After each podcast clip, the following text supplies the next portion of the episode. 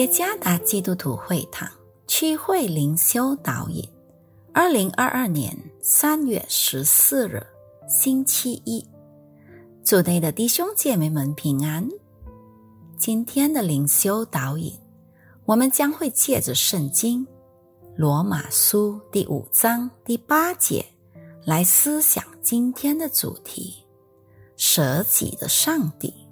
作者苏丽霞传道。罗马书第五章第八节：唯有基督在我们还做罪人的时候为我们死，神的爱就在此向我们显明了。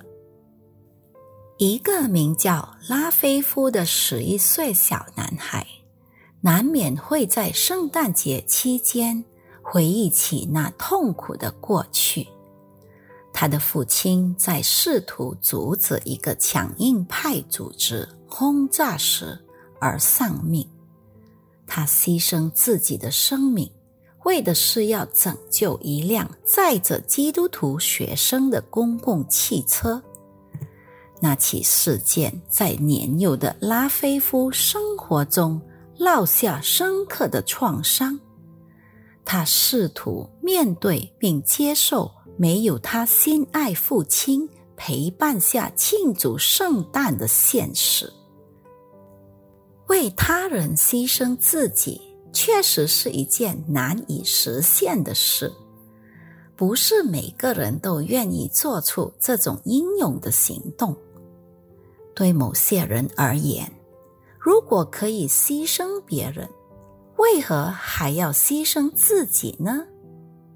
对于一个自私自利、只顾自己利益的世界来说，圣经则展示了一个曾经发生并被记录在人类历史上伟大而荣耀的成就。基督耶稣，神的儿子，愿意从荣耀的天上降下来，将自己献上，作为完美的挽回祭。为卑微的人类赎罪。保罗在罗马书第五章第八节这样解释：基督在我们还做罪人的时候为我们死，上帝的爱就在此向我们显明了。当我们如此不配接受上帝的爱时，然而身为人类的我们。我们确实也难以为那些被认为不配接受我们牺牲的人而牺牲自己。一般来说，我们之所以愿意牺牲，是因为我们已经意识到接受我们牺牲的人的准则，从我们的角度来衡量他是否合适或者配得上吗？我们所付出的牺牲。是否会与我们日后将得到的利益相称呢？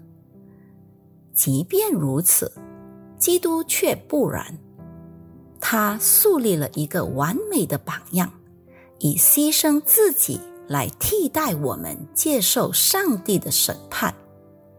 他是配得上的，为了我们这些配不上的人，他是荣耀的。